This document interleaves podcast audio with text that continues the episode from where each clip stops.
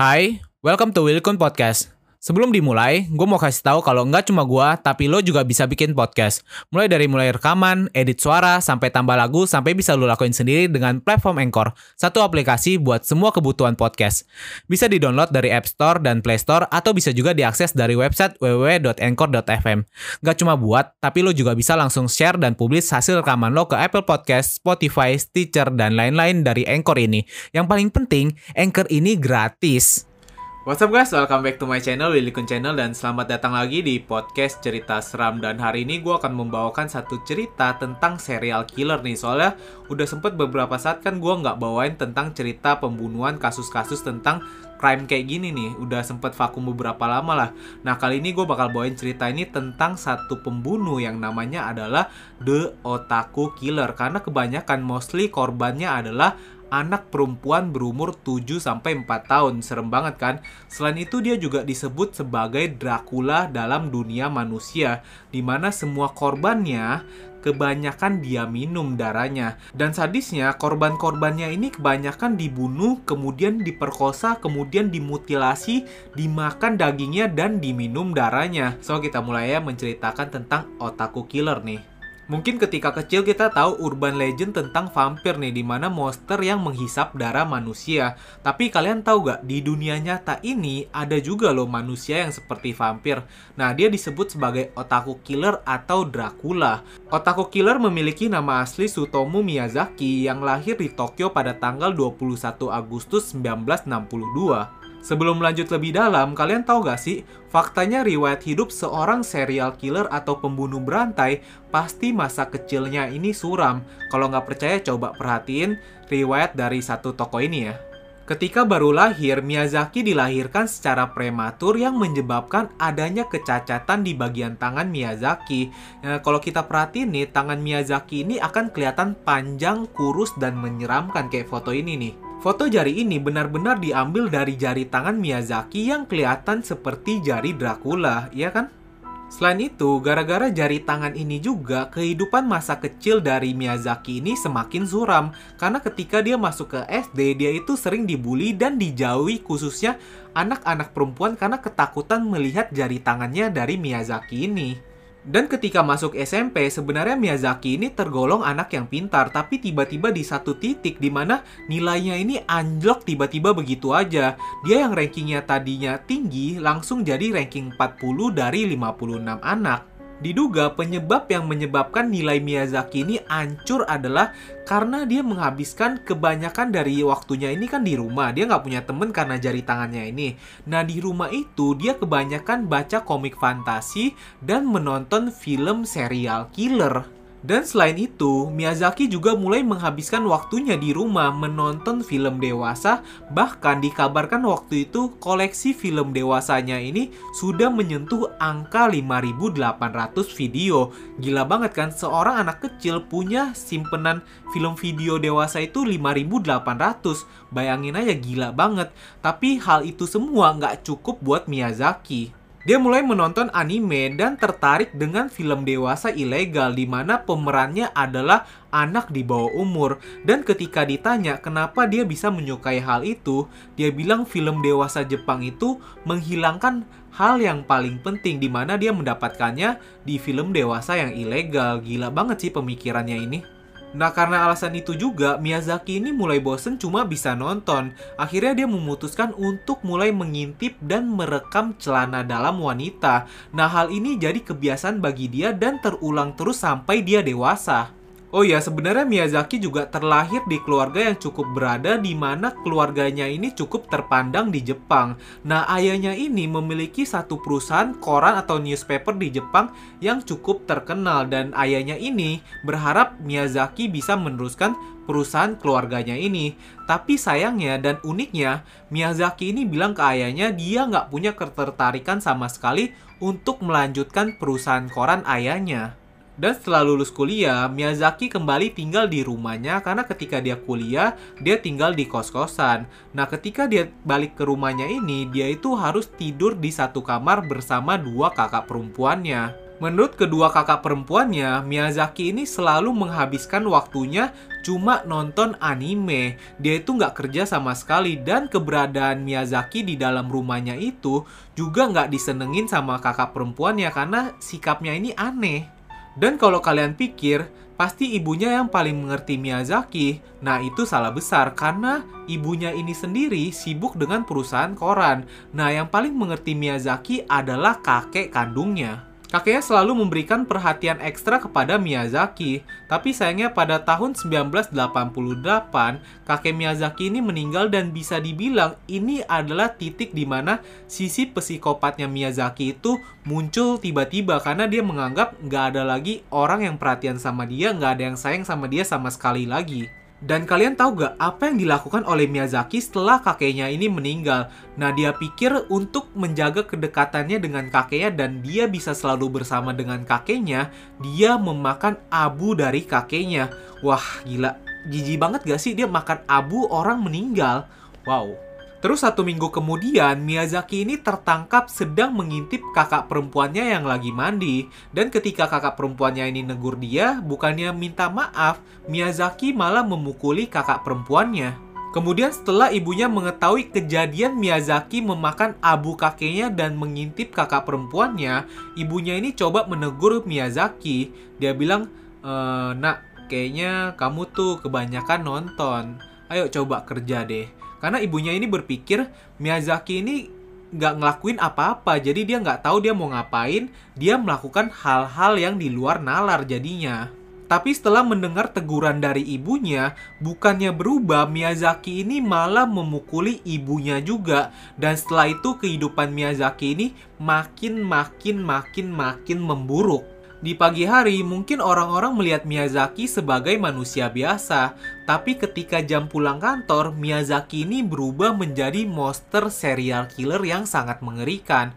Tepatnya tanggal 22 Agustus 1988, di mana Miyazaki ini baru berulang tahun dan dia ini berumur 26 tahun. Di situ dia memutuskan untuk menculik seorang anak yang berusia 4 tahun. Di mana ada laporan sore itu, seorang anak menghilang setelah bermain bersama temannya di taman. Rupanya Miyazaki lah yang telah menculik anak ini dan membujuknya masuk ke dalam mobil miliknya. Nah, setelah di dalam mobil ini, Miyazaki membawa anak itu ke bawah kolong jembatan. Nah, di bawah kolong jembatan ini sebenarnya Miyazaki sempat cuma duduk selama 30 menit dan menurut para ahli, ini titik di mana dia ini sempat ragu, dia ini akan berubah menjadi monster atau enggak enggak. Nah, tapi akhirnya Miyazaki memutuskan untuk berubah menjadi seorang monster pada hari itu. What's up guys? Sebelum kita lanjut, kenalan dulu yuk sama temen gue, namanya Anchor. Anchor ini adalah all-in-one podcast editing platform yang membuat gue lebih mudah untuk rekaman, edit suara, tambah lagu, dan segala hal dalam pembuatan podcast yang sedang lo dengerin kali ini. Anchor juga bisa jadi temen lo juga loh. Cara tinggal download dari App Store atau Play Store, atau juga bisa diakses di www.anchor.fm. Jadi download Anchor sekarang ya. Setelah membunuh dan menggagai anak itu, mayat dari anak ini dibuang di belakang bukit rumahnya, ya dia pikir biar membusuk begitu aja aja. Satu-satunya barang yang diambil dari anak itu cuma pakaian yang dia miliki dan diperkirakan pakaian yang dipakai anak ini digunakan oleh Miyazaki untuk onani. Oh my god, jijik banget gak sih? Nah, tapi beberapa hari kemudian Miyazaki ini berubah pikiran. Dia kembali pergi mengambil mayat anak itu, kemudian kembali ke bawah kolong jembatan di mana di bawah kolong jembatan itu dia memutuskan untuk memutilasi badan anak ini. Jadi bagian tangan dan kakinya itu dipotong oleh Miyazaki. Nah, kemudian badannya ini dan kepalanya dibakar oleh Miyazaki sampai jadi abu. Abis itu, abu dari anak ini dimasukkan ke dalam box bersama beberapa gigi anak ini, kemudian dimasukkan juga foto dari pakaian anak ini ke dalam box itu, dan ada satu surat yang berisikan inisial anak ini. Nah, tau gak boxnya itu dikirim ke mana? Nah, boxnya ini dikirim ke keluarga korban. Jadi biar keluarganya ini atau orang tuanya tahu anaknya sudah meninggal. Dan yang gilanya, tangan dan kakinya itu kan tadi nggak dibakar. Nah, tangan dan kakinya ini dibawa pulang oleh Miyazaki dan disimpan di lemari pakaiannya. Gak lama setelah aksi pertamanya, Miyazaki mulai beraksi lagi tepatnya pada tanggal 3 Oktober 1988 di mana dia lagi-lagi menculik seorang anak berusia 7 tahun dan melakukan hal yang sama persis kepada anak itu. Jadinya anak itu diculik, dibunuh, digagai, dimutilasi, dan abunya ini kembali dikirim kepada orang tuanya. Dan lagi-lagi pakaiannya ini diambil untuk onani. Wah gila sih, gila, gila, gila banget kejadian ini. Kemudian, dua bulan kemudian Miyazaki kembali melakukan aksinya tepatnya pada tanggal 12 Desember 1988. Lagi-lagi dia menculik seorang anak kecil yang berusia 4 tahun. Sebelum dibunuh, Miyazaki ini memaksa anak itu untuk melepas pakaiannya lalu Miyazaki ini memfoto anak itu. Nah setelah itu anak itu dibunuh begitu sadis di dalam mobil Miyazaki. Dan setelah meninggal, kedua tangan dan kedua kaki dari anak ini diikat ke belakang punggungnya, kemudian pakaiannya ini dibuang ke hutan, dan mayatnya ini dibuang di parkiran tempat dia parkir. Tapi yang unik dari aksi ketiga Miyazaki ini, sebenarnya ketika Miyazaki ini bersama anak itu, ada seorang saksi yang melihat mereka itu bersama. Tapi saksi ini nggak naruh curiga gitu ke Miyazaki, jadi dia lewat begitu saja. Dan yang uniknya lagi, sebenarnya sebelum Miyazaki ini membuang mayat anak ini, nah sebenarnya mobilnya itu nyangkut di selokan. Jadi dia mutusin ya udah kali ini dia mau buang mayat itu di parkiran mobil aja, kemudian bajunya ini dibuang ke hutan. Nah, setelah beberapa saat Miyazaki sudah membereskan mayat anak ini, beberapa orang datang ke mobilnya untuk menolong Miyazaki ngeluarin mobilnya dari selokan. Kayak, wah, sebenarnya mereka bisa nangkep Miyazaki di titik itu, tapi mereka telat. Setelah aksinya yang ketiga, Miyazaki memutuskan untuk berhenti sejenak karena mulai muncul rumor di sekitar tempat dia tinggal di mana ada penculikan dan pembunuhan anak kecil. Selain itu, tingkat keamanan dari polisi juga ditingkatkan karena beberapa kejadian ini. Nah, abis itu, Miyazaki memulai aksi keempatnya pada tanggal 6 Juni 1989 di mana lagi-lagi dia menculik anak berusia 5 tahun yang dia masukkan ke dalam mobilnya. Nah, setelah anak ini dihabisi, mayat dari anak ini dibawa pulang ke apartemen Miyazaki. Dia menghabiskan dua hari untuk menggagai mayat anak ini dan mengambil foto dan video dari mayat anak ini.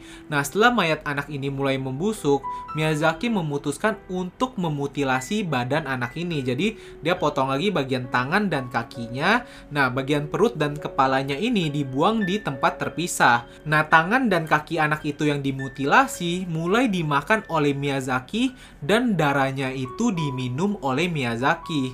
Jadi dia benar-benar kayak sosok vampir hidup yang memakan daging manusia dan meminum darah manusia. Ih, jijik banget sih.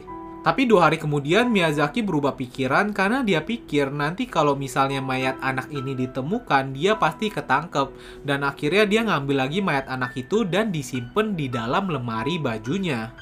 Setelah itu, sebenarnya Miyazaki ini mau melakukan aksinya lagi tepatnya pada tanggal 23 Juli 1989 di mana dia melihat seorang anak yang lagi bermain. Tapi untungnya kali ini ayah dari anak itu melihat Miyazaki lagi bugil di depan anaknya. Nah, setelah melihat peristiwa itu, ayahnya ini langsung marah dan memukul Miyazaki. Nah, ketika itu Miyazaki sempat kabur ke dalam mobilnya. Tapi sayangnya Miyazaki ini nggak bisa kabur. Dia dikejar oleh polisi. Di rumah Miyazaki, tepatnya di dalam kamarnya, polisi menemukan banyak sekali bukti dari korbannya. Di situ polisi menemukan sisa pakaian dari korbannya, kemudian foto dan video ketika dia beraksi, dan yang paling mengerikan, mereka menemukan sisa bagian tubuh dari korban. Dan yang paling mengerikannya kalian tahu gak apa? Miyazaki ini punya kebiasaan di mana dia selalu menelepon orang tua dari korbannya. Di situ ketika dia telepon, dia nggak ngomong apa-apa, jadi dia cuma berdiri di depan telepon sambil ngedengerin suara orang tua korbannya. Nah, kalau orang tua korbannya ini nggak ngangkat telepon dia, dia bisa menelepon sampai 20 menit. Jadi bener-bener psikopat banget. Dia pengen tahu gimana sih suara dari orang tua korbannya ini. Dan setelah ditangkap, Miyazaki juga mengaku dia bisa jadi seperti itu karena keluarganya. Jadinya keluarganya ini nggak pernah mendengarkan Miyazaki sama sekali. Padahal keluarganya itu satu-satunya yang dimiliki oleh Miyazaki. Karena seperti yang kita ketahui, jarinya ini kan cacat. Jadi dia nggak punya teman sama sekali. Dia menghabiskan banyak waktunya ini cuma di dalam rumah. Dan bagian yang paling menyedihkan menurut gua, Miyazaki ini juga sempat bilang ayah dan ibunya ini lebih takut kehilangan uangnya daripada anaknya. Sedih gak sih kalian kalau ngedenger hal itu? Nah, saking sedihnya Miyazaki ini, dia ini sampai stres dan depresi banget dan dia sempat berpikir mau menghabisi nyawanya. Tapi ya akhirnya dia nggak jadi dan dia malah menjadi seorang monster yang udah kelewatan batas. Di persidangan, Miyazaki benar-benar tenang dan gak mengaku bersalah atas tindakan yang dia lakukan. Bahkan dia juga sempat bilang dia udah melakukan tindakan yang benar dan dia adalah hero bagi warga Jepang. Nah ini adalah panggung buat dia, dia ngerasanya seperti itu. Menurut psikiater yang menangani kasus ini, ada dua kemungkinan kenapa sikap Miyazaki bisa kayak gitu di persidangan. Yang pertama dia mengalami gangguan kepribadian dan yang kedua adalah dia memang memang gila. Dan uniknya, kalau di Jepang kalian itu terbukti gila, kalian ini nggak bisa dihukum penjara, kalian cuma bisa direhabilitas. Akhirnya hakim dari kasus ini memutuskan kalau sebenarnya Miyazaki itu memiliki gangguan kepribadian, tapi dia sadar atas apa yang dia lakukan kepada anak-anak itu. Akhirnya hakim memutuskan untuk menghukum Miyazaki, yaitu hukuman mati. Nah, buntut dari kasus ini sebenarnya nggak berdampak kepada Miyazaki doang. Nah, di sini ayahnya juga terkena dampak dari kasus ini, di mana ayahnya itu nggak mau membayar pengacara untuk membela anaknya di persidangan. Nah, setelah itu ayahnya memutuskan untuk mengakhiri hidupnya pada tahun 1994 setelah menerima surat dari Miyazaki, di mana isi suratnya itu Miyazaki menyalahkan ayahnya atas tindakannya. Sebelum dieksekusi, Miyazaki menghabiskan 18 tahun di penjara.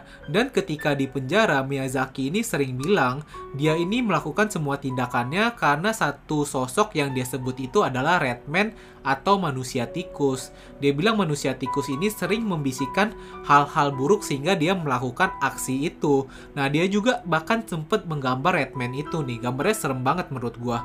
Dan akhirnya pada tanggal 17 Juni 2018, Miyazaki dijatuhi hukuman gantung dan cerita ini berakhir di hari itu.